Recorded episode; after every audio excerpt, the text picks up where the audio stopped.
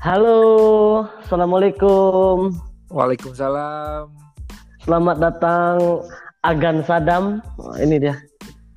Uh, ini perdana ya. Ini perdana nih pakai. Ini, ini, ini langsung tamu perdana dengan tamu terhormat nih nampaknya. Oke oke oke oke. Ini belum ada oh. displaynya ya. Display belum. belum ada.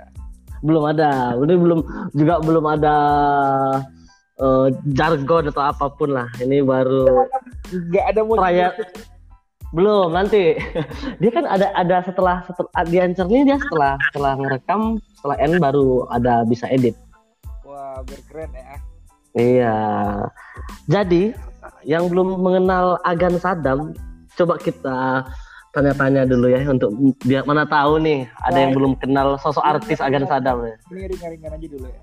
Mungkin yes karena perdana mungkin nggak usah lama-lama ringan-ringan dulu biar uh, temanya tuh nggak berat-berat ya.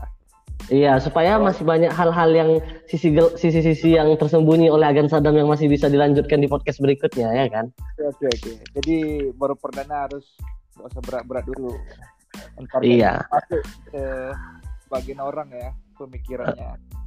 Ya, nggak usah berat-berat ya. Jadi ada niat uh, tambah istri lagi tolong kan yang tidak berkenaan dengan apa lah yang jawabannya itu sangat berat jawabannya. Oke. Okay. jadi yang, yang yang ringan ya yang ringan ya. Yang ringan. Oke. Okay. jadi abang Agan Sadam ini uh, aslinya dari mana? Uh, aslinya apa nih sama sama fiction nih. Manggil mas manggil apa ya? Manggil abang ya. Manggil adik atau manggil om ya. Kalau pin aja. Tetap tetap pin saja. Tetap pin saja. Nggak masalah. Nggak masalah ya. Nggak masalah. Masalah. Nggak masalah. Uh, asli pastinya dari Dumai ya. Dari Dumai lahir di Dumai dan mengabdi di Dumai. Ya seperti itu. Mengabdi sebagai apa nih uh, mengabdi sebagai abdi negara. Hmm. Ya, ya bahasa sekarang di pemerintahan Kota Dumai. Ya, sekitar tujuh tahun ya. Tujuh tahun. tahun. Jadi masuk ke ASN itu melalui tes atau gimana? Uh, Alhamdulillah ya, mungkin karena rezeki ya. Uh, masuknya kemarin melalui jalur IPDN jalur Wah, ini jalur, la jalur langka sebenarnya ya? gimana jalur langka sebenarnya masuk IPDN tuh ya sebenarnya bukan langka ya bukan langka karena semua orang uh, bisa masuk IPDN tanpa terkecuali uh, cukup modal kita hanya pendaftaran dan kita ikutin tesnya bertahap. Alhamdulillah diberi izin oleh Allah SWT untuk masuk ke IPDN pada tahun 2009. Uh, lama ya. 2009 itu saya masih SMA itu. SMP. Wah, ya, itu seperti itulah kira-kira pin. Oke, lanjut uh, uh, sekarang di dari dari tamat IPDN uh, ke mana dulu dinas apa langsung di sekarang di ditempatkan di dinas apa atau gimana? Uh, panjang ya. Uh, hmm. Dari 2009 itu uh, sebelumnya uh, saya cerita sedikit pendidikannya 4 tahun 2013 uh, saya tamat itu alumni angkatan 20 ya. Ya. Uh, tugas pertama itu di provinsi itu sekitar berapa bulan? Empat bulan. Provinsi Riau ya? Provinsi ya. Itu istilahnya oh. sebelum disebar ke kabupaten kota kita belajar-belajar lah tentang birokrasi tentang surat menyurat di provinsi. Setelah itu baru 2014 awal uh, kembali ke Dumai, ditarik ke Dumai. Ah, ini ini sebenarnya adalah uh, untuk teman-teman yang masih pengen cari-cari yang ada minat ke IPDN sebenarnya di sini juga bisa Agan Sadam bisa juga, Abang Agan Sadam juga bisa ngasih info tuh perjalanannya seperti apa di dalam sebelum sebenarnya. Hmm, ini cerita tadi kan belum selesai cerita kerjaan ya. atau cerita IPDN dulu nih ya gitu. Ya. Gimana? Lanjut dulu. Nanti kita balik balik ke IPDN-nya lagi. Kita teruskan yang yang tadi ya. Yang tadi kan belum putus. Jadi 2014 itu uh, awalnya tugas di Kecamatan Dumai Selatan okay. ya. Kebumen Selatan. Kebumen Selatan. Enam bulan setelah itu dipindah tugaskan ke di kelurahan ya. Mengabdi, sebagai uh, sebagai sekretaris lurah ya.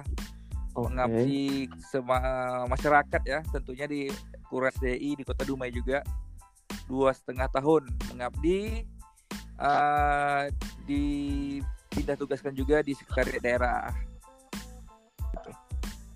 Lalu hingga saat oh. ini tiga tahun di hmm. sana dipindah tugaskan lagi di Kominfo hingga saat ini seperti itu 2020 2020 baru beberapa bulan enam bulan ya di Kominfo seperti itu. 6 bulan.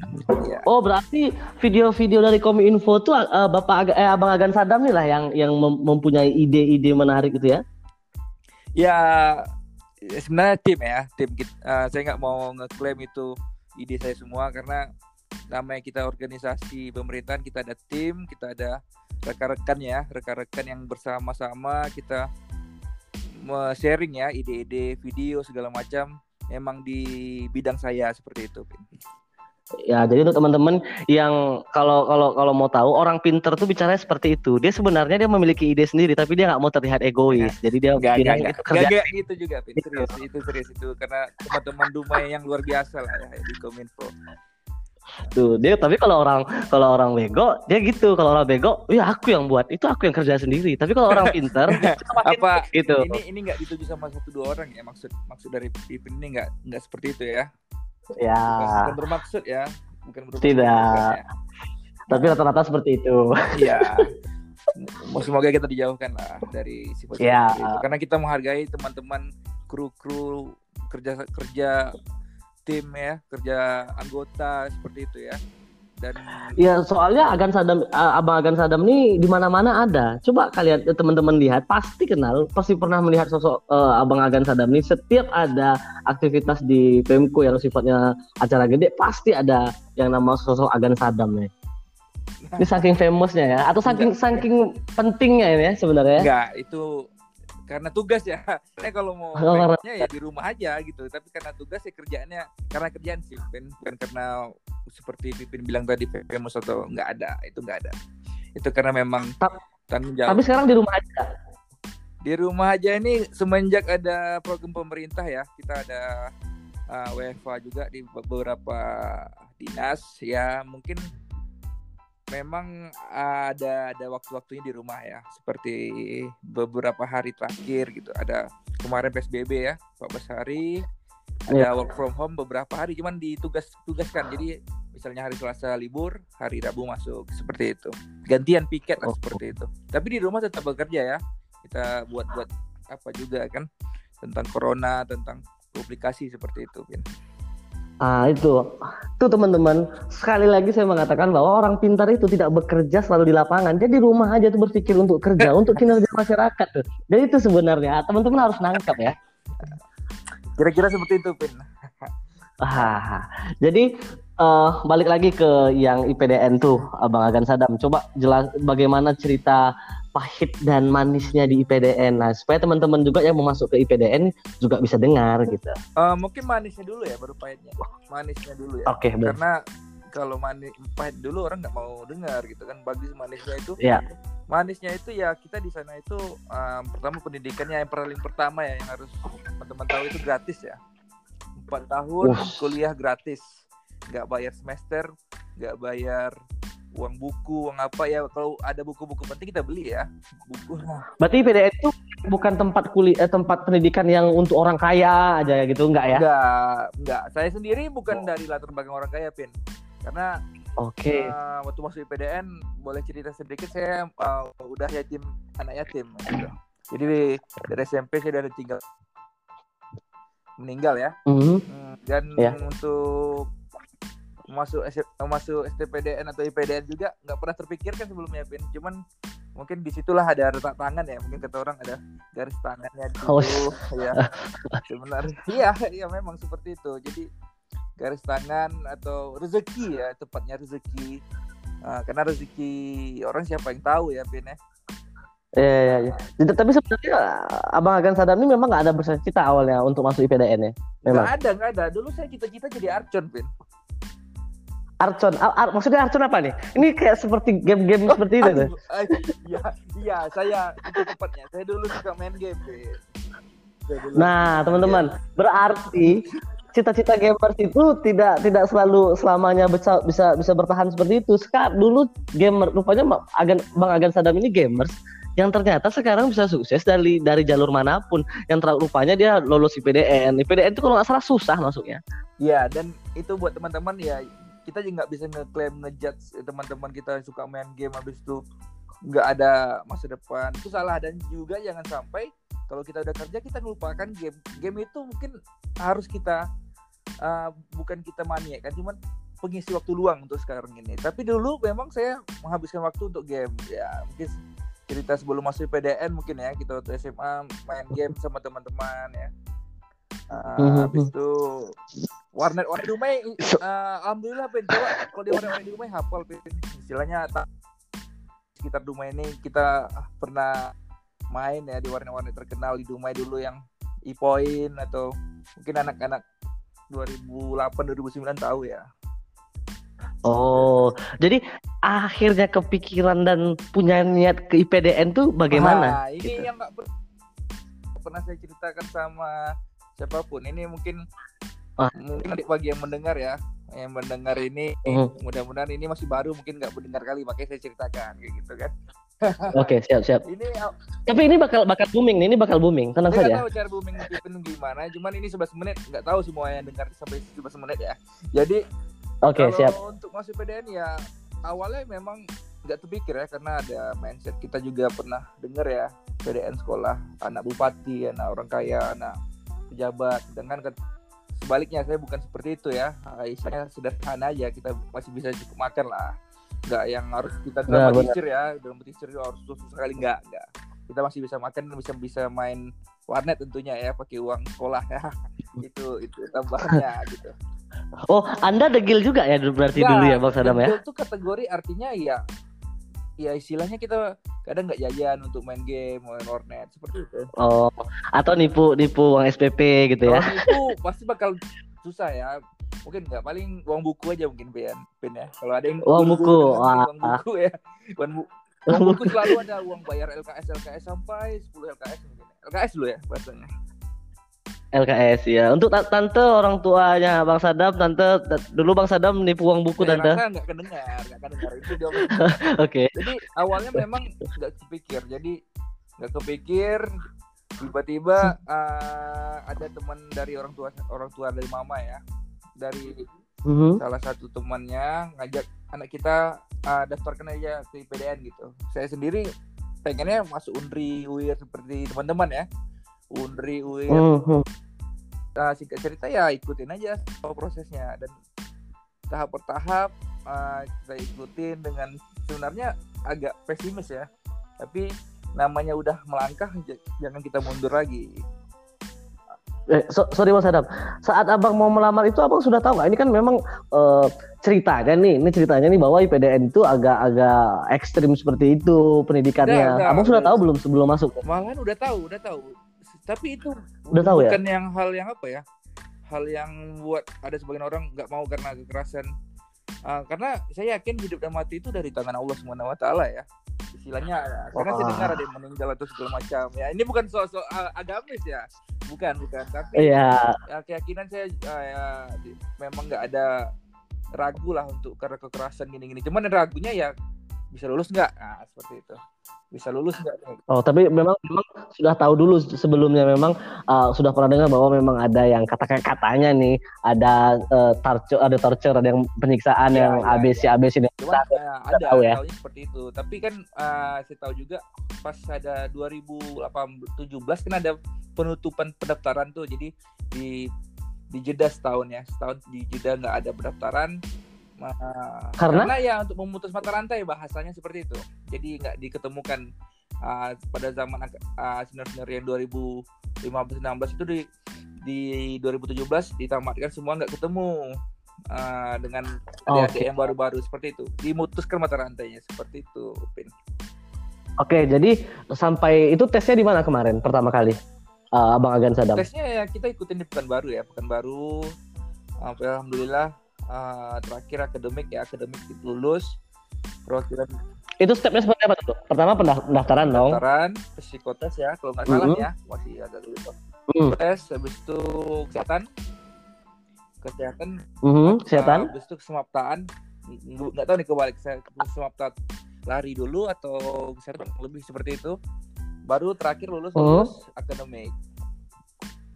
Akademik. Akademik itu itu itu uh, ujian tertulis ah, maksudnya iya. ya akademik itu seluruhnya ada matematika bahasa Inggris ada seluruh IPA yang ilmu apa tentang fisika tentang apa ada ya IPS semua ada itu dia dia kalau dia harus gini gini nggak sih sebenarnya administrasi dulu lulus habis yeah. itu kalau kita harus melewati kesehatan dulu baru bisa yeah. yang ke ke ke ujian tertulis ya berarti ya. Dites maksudnya udah dilihat misalnya sesuai nggak sesuai nggak nilai rapor nilai apa itu udah ada ada udah ada verifikasi hmm. udah ada sistem gugur juga di situ. Oh berarti memang dia bertahap berarti kalau lulus kesehatan baru bisa masuk ke ujian tertulis berarti seperti itu, itu ya. Akhir juga ada sampai uh -huh. akademik dikirim ke Jatinangor masih ada beberapa orang disortir lagi. Oh. Jadi, enggak, jadi sebenarnya uh, untuk di tes itu yang susahnya tuh di kesehatan kah atau di, di tertulis sebenarnya? Yang banyak orang gugur orang sebenarnya. Gugur mungkin di apa ya di kesehatan ya.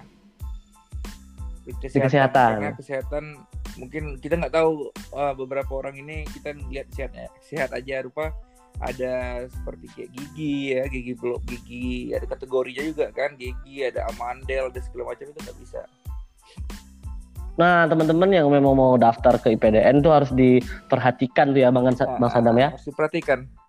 Mungkin Amandel, apa apa lagi tadi itu, Bang? Amandel habis itu uh, apa ya? Gigi gigi gigi gigi itu boleh gigi, gigi palsu sih. Istilah artinya nggak boleh lubang apa gimana ya dulu ya.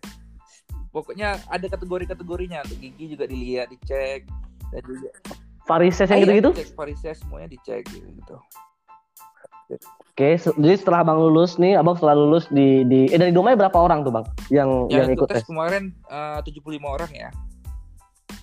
75 uh, ah, orang. Sampai ya, di yang lulus? Yang lulus sampai mana nih? Tahapan yang saya ingat tahapan akademik. Sam terakhir. Akademik yang ikut akademik terakhir ada 10 orang, kira-kira 10 orang. Habis itu -huh. yang mhm. lulus akademik cuma dua orang. Oh, siapa aja tuh bang kira-kira namanya bang? Saya juga di ASN juga Jeki Armansa namanya. Mungkin tahu okay. juga ya. Iya, saya, saya, saya cukup mengenal sosok Bang Jeki sebenarnya. Mau mengenal juga ya? ya. Tidak, tidak. Ber, berbahaya nanti. Dibilang sok kenal nanti, Bang. Iya, iya. Boleh, boleh. Jadi uh, setelah di dalam Bang uh, tahun-tahun pertama lah nih istilahnya. Uh, apa, apa apa tuh uh, di dalam bagaimana suasananya? terkejut kah atau iya, bagaimana? Biasa dulu suka anak game ya main warnet ya atau biasanya hmm. nggak hmm, di biasa dikekang seperti di dalam ya bukan dikekang ya disiplin ya tepatnya ya penyesuaiannya ya lima tiga bulan ya penyesuaian tiga bulan. Karena awal itu kita ikut basis dulu ada laksar namanya satu bulan. Satu bulan itu udah cukup -hmm. untuk mengadaptasi kita untuk pola-pola hidup yang istilahnya gimana hari itu cepat berlalu ya seperti itu. Gimana hari cepat berlalu itu. Awal-awal. Kalau dulu kan menghabiskan bermain game. Sekarang kita di tiga bulan mau ngapain ya, gitu ya? Lasarnya maksudnya satu bulan maksudnya habis lasar kita ada pengukuhan habis itu barulah kita adaptasi lagi dengan kehidupan di kampus sebulan ya bulan berikutnya ya kita udah mencoba beradaptasi kan karena manusia pasti ya beradaptasi kehidupan bangun pagi aerobik segala macam seperti itu. Ah, bang, bang, bang, bang Sadam sendiri dulu perokok nggak sih atau gimana atau gimana? Ah, perokok nggak? Nggak, ngerokok. Rokok. Nggak ngerokok. Di dalam kampus tuh sebenarnya bisa ngerokok apa enggak? Di dalam kampus itu oh, untuk ngerokok ya nggak boleh ya, Ben. Nggak boleh, nggak boleh. Nggak boleh. Eh, tapi nggak tahu kalau lagi curi curi kalau curi kalau curi curi bang? Curi curi ya namanya rokok ya istilahnya namanya laki-laki mungkin bisa ya. Apalagi kalau udah sangap namanya bahasanya. Oh. Tapi tetap kalau misalnya ya ya ya sanksinya berat deh. Wah, tuh teman-teman yang yang ngerokok kalau bisa masuk IPDN uh, dapat uh, untuk berhenti karena memang agak susah sepertinya uh, dari dengar cerita Bang Sadam untuk merokok di apa bilangnya ya kampus ya, ya? Di barak. Nah, di kampus, di barak. Ya. Tuh next Bang, habis tuh Abang tidurnya sendiri-sendiri kah atau atau memang per per per kamar atau memang rame-rame ditumpuk tuh satu kamar, kamarnya gede atau ya, gimana? satu barak itu ada atas bawah ya. Atas bawah itu barak atas eh, sekitar 40 orang. 40 orang itu ada terdiri beberapa sekat ya.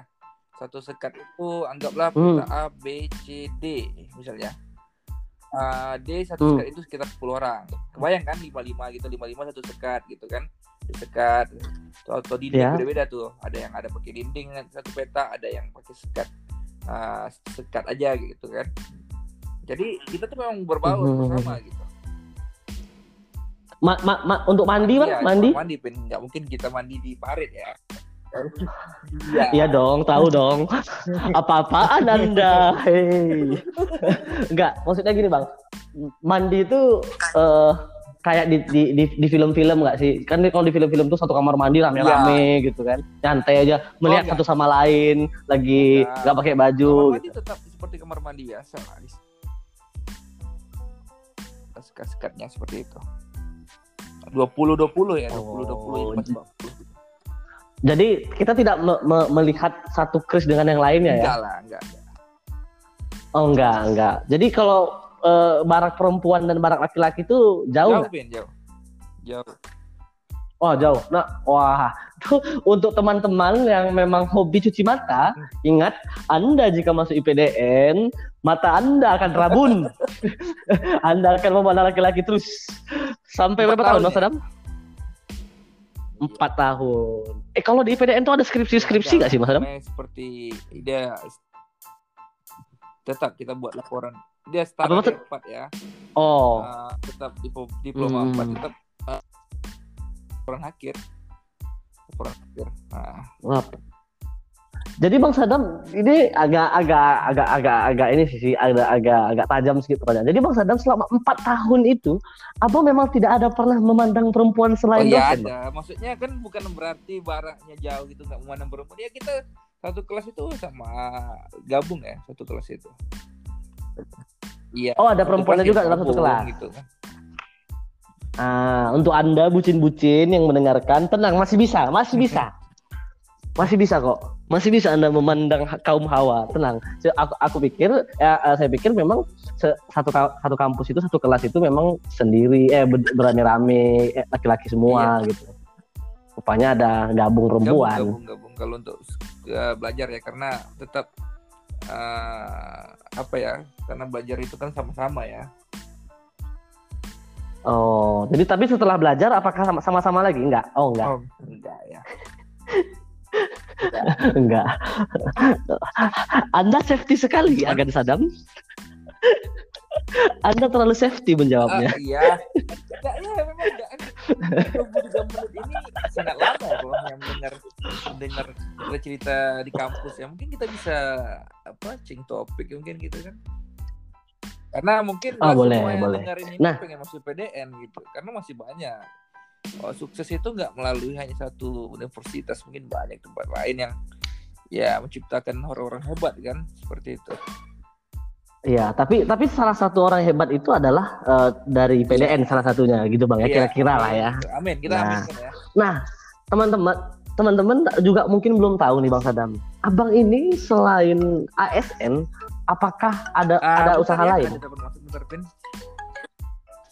Siap-siap.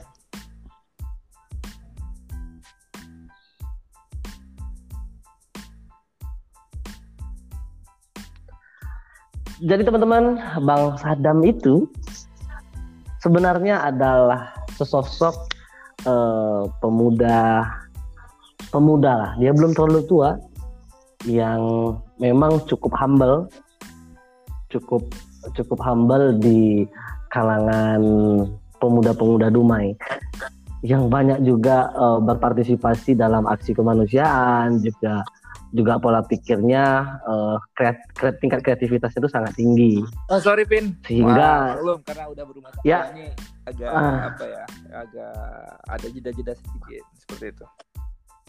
Oh ya. maklum maklum. Ma maklum kan Ya ini selain abang di bekerja di pemerintahan, apakah abang ini ada pekerjaan sampingan lainnya? Uh, pekerjaan sampingan maksudnya apa ya? Ngegrab gitu ya, ngegrab apa? Ngegrab. Berdagang kan, ngegrab, ngegrab. ngegrab atau apa jadi youtuber atau apa? Ngegame atau gimana maksudnya?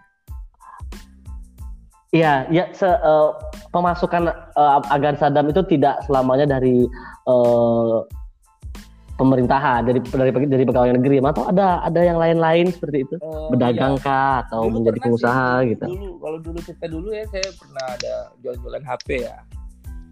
HP cuman nggak hmm. namanya nggak konsisten ya mungkin nggak nggak nggak nggak rezekinya nggak terlalu banyak di sana ya terus itu udah bubar ya kalau sekarang ya mungkin uh, kalau usaha ya usaha berdua orang apa istri ya istri sama menjalankan ada di hmm. bidang apa di bidang pakaian ya di bidang pakaian oh apa apa namanya apa namanya tuh coba coba kita sekalian boleh promo ya? lah boleh lah promo kan ya. apa apa apa mm, ya. Skonsop di mana tuh alamatnya? Uh, uh, Salik Kasim. Kalau butik Bangkok, Bangkok oh, itu di mall dan ya karena COVID-19 ini Buti Bangkok kita offkan dulu ya. Uh, karena memang hmm. tidak ja kita kemarin uh? kesepakatan mall untuk hmm, karena juga di mall itu uh, sekarang di City Mall ya mungkin udah mulai buka ya, udah mulai buka.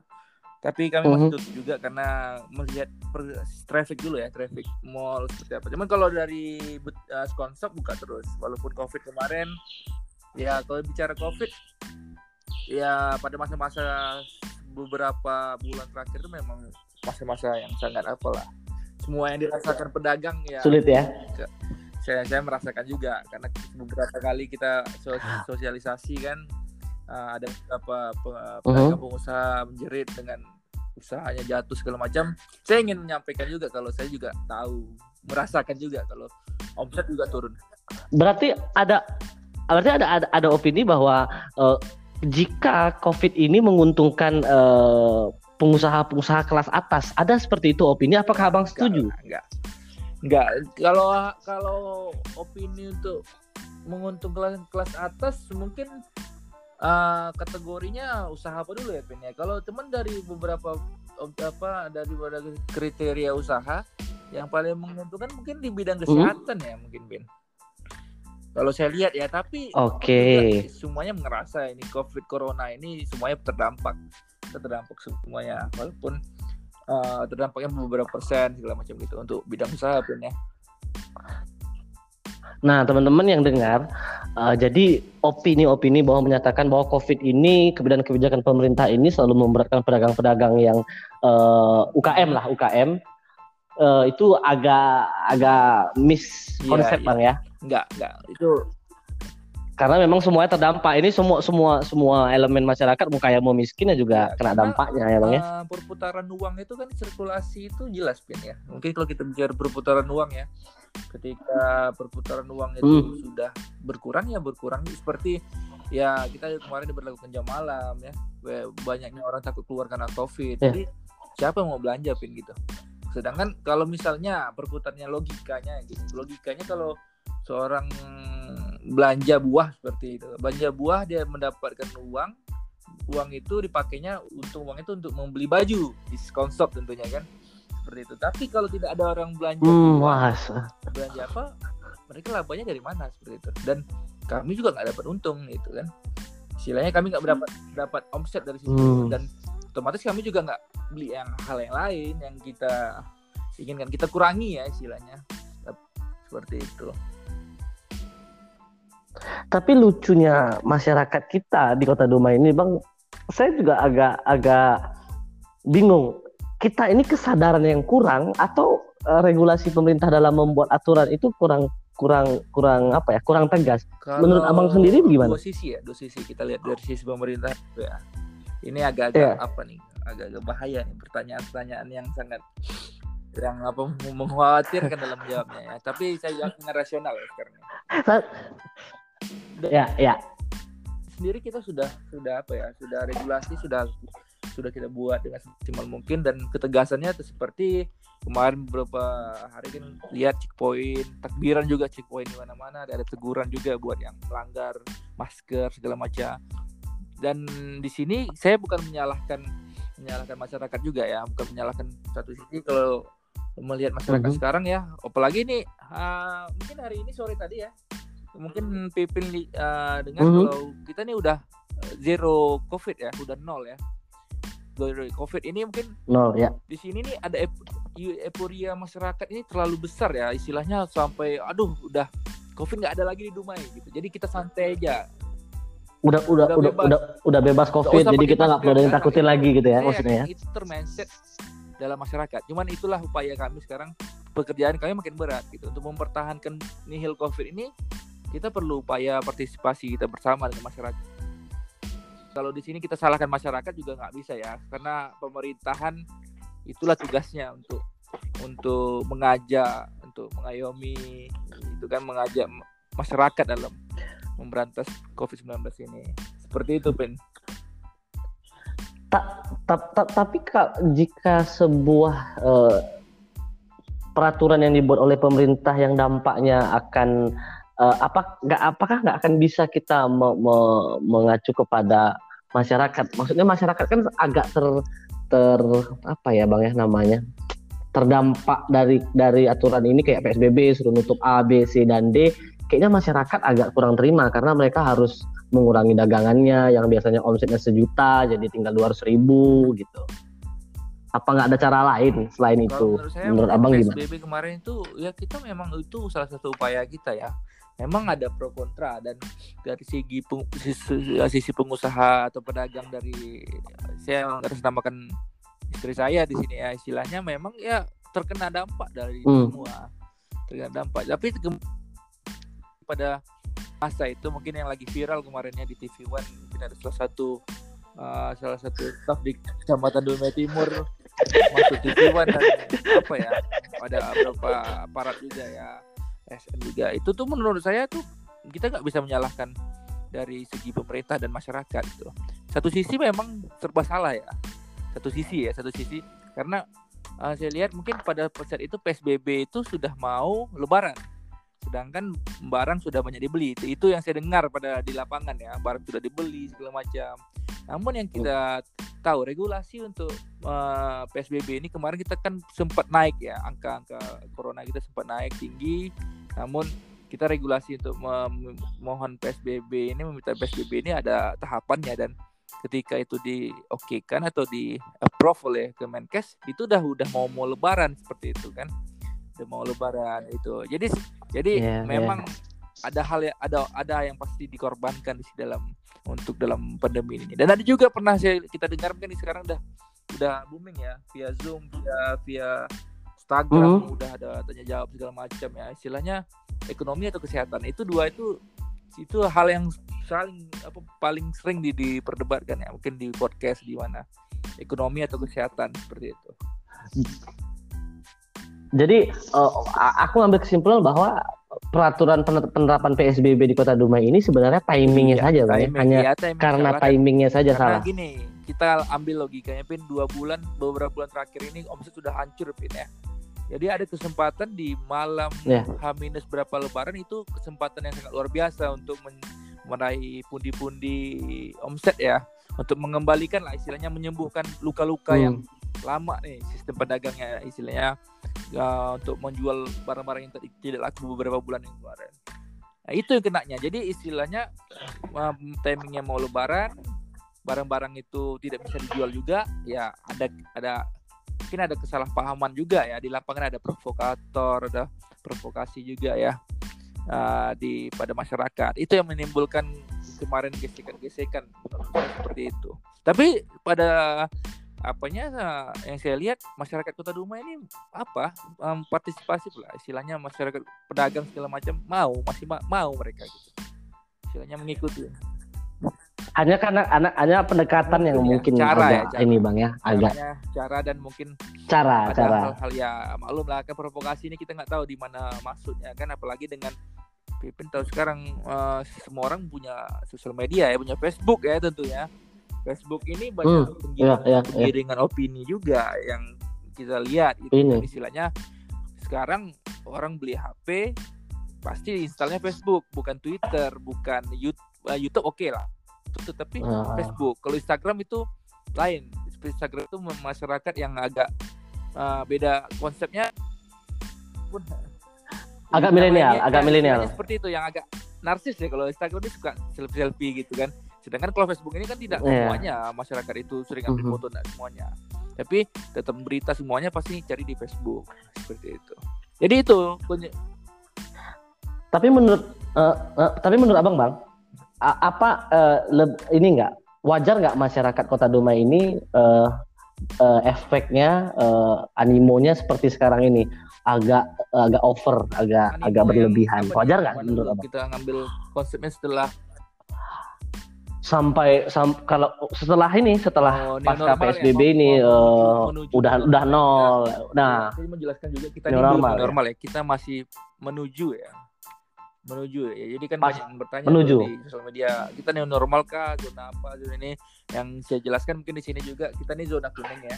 Zona kuning karena ada kategori beberapa ya yang akan kategorinya apa ya kategori itu bang? eh, beberapa hari setelah misal beberapa hari tidak ada angka positif dan juga beberapa hari itu juga angka PDP ODP itu baru bisa kita kategorikan naik zona hijau gitu. Dari kuning bisa ke hijau. Mungkin kita menunggu beberapa beberapa hari lagi, Ben. Baru kita bisa dikategorikan zona hijau. Oh, berarti memang belum kita belum new normal. masih Kita jauh. ini dalam proses menuju new normal, Bang ya. Masih menurut belum new normal karena new normal sendiri ya mungkin Bipin lihat lah naik motor sekarang banyak yang nggak pakai masker gitu. Kalau new normal itu masker itu adalah hal yang utama, Ben. Kalau laki-laki Apakah new normal lebih ketat daripada Nah, PSBB? new normal ini bukan hanya apa ya, bukan bukan suatu ikatan yang apa ya. Itu adalah gaya hidup baru, tatanan hidup baru. Jadi kalau dibilang ketat itu Sudah sudah empire, sudah ah, empire. itu itu hanya maksudnya, lelucon ya, mungkin yang nggak cocok. Kalau orang Indonesia suka cocologi ya. Cocologi ya. Orang Indonesia betul. Tapi tapi mungkin benar, Bang. Mungkin benar, Bang. Mungkin saja benar, Bang. Kenapa? Karena gini, Bang. Semenjak eh, pemimpinnya Sunda Empire itu tertangkap, memang benar-benar memang datang Mungkin corona, ya, loh, Bang. mungkin gini mungkin kita ini orang Indonesia ini sangat uh, jejak digital rekam digital itu sangat diingat sama mereka ya termasuk saya pernah nonton juga yang sudah Empire dan uh, gimana Di TV di TV One. Yang di TV One yang Iya. eh, Iya, si pemimpinnya iya, Sunda Empire itu. tentang, Hmm. tapi yang perlu kita ketahui Ya. uh, masyarakat Indonesia akan akan mudah dipengaruhi oleh orang yang pandai ngomong itu itu itu yang harus kita ketahui masyarakat Indonesia akan akan tunduk sama Oke. orang atau uh, siapa pun itu yang pandai ngomong saya saya akui si Rangga siapa namanya Rangga siapa? Rangga Rangga, Rangga, Ah, Ra- Sesa- Rangga Rangga Sasana apa ya? pokoknya dia nah, nah Suzana, Suzana. saya akui itu.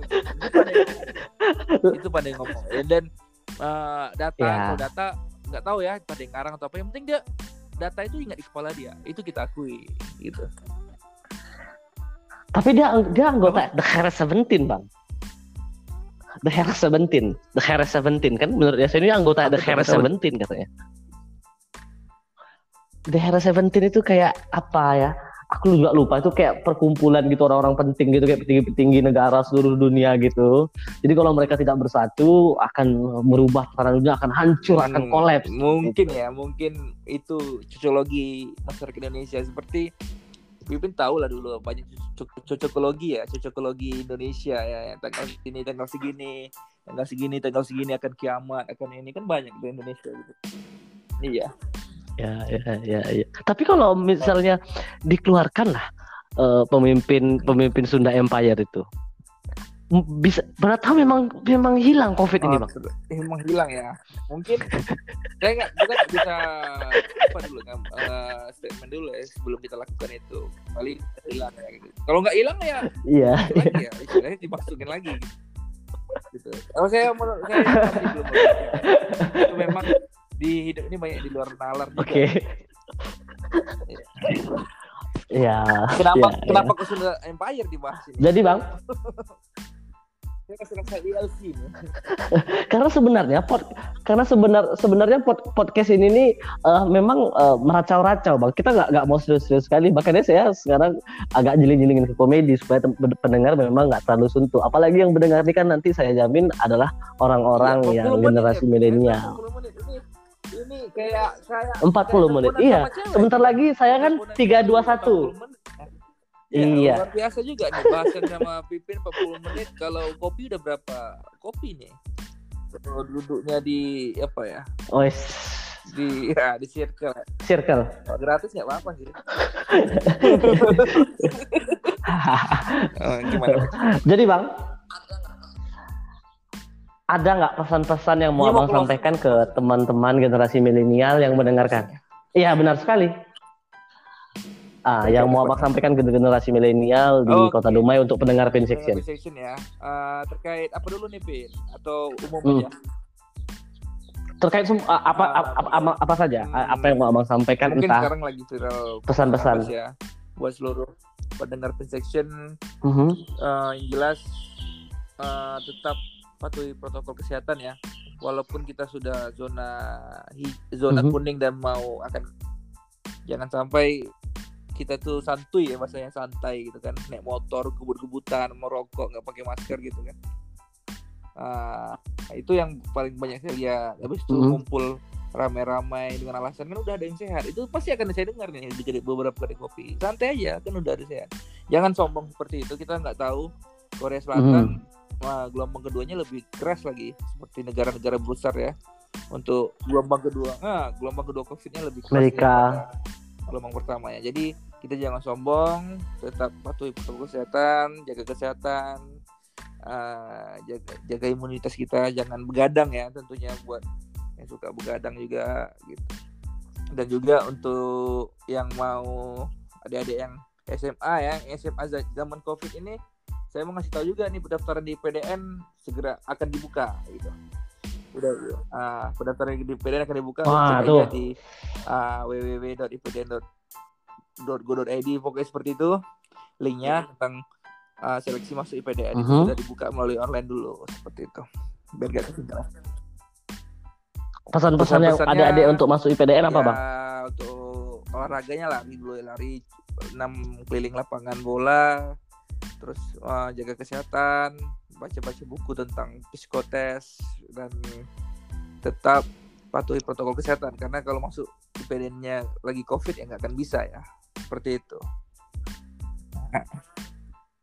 Ah, jadi teman-teman yang mau masuk IPDN, adik-adik semua yang mau masuk IPDN, uh, eh, syarat uh, pesan dari Agan, Abang Agan Sadam ini adalah olahraga keliling lapangan terbang enam kali lapangan bola ya. Iya. uh, jadi kalau mau belanja baju uh, boleh, di mana nih bang? Boleh ya. Ya kalau mau boleh boleh boleh. Belanja ya diskon shop ya mungkin ya. Nomor Jalan Sultan Sari Kasim 167 atau nanti di City Mall di, di ya. butik Bangkok. Oke. Ya, jadi dari akhir percakapan Pinsection dengan Abang Agan Sadam, teman-teman harus tahu bahwa COVID ini kita terdampak semua, semua elemen masyarakat dari kaya maupun miskin terkena dampaknya. Jadi jangan ada lagi opini-opini yang mengatakan bahwa COVID ini adalah uh, permainan pemerintah untuk untuk menseleksi lah hal-hal yang ya. di luar Oke, jangkauan logika kita. Kita akhiri Oke teman-teman, uh, follow Instagramnya Agan Sadam, at Agan Sadam, dan follow Instagramnya Pin Section di Huang Pin untuk topik podcast kita selanjutnya. Wabillahi taufiq wal Assalamualaikum warahmatullahi wabarakatuh.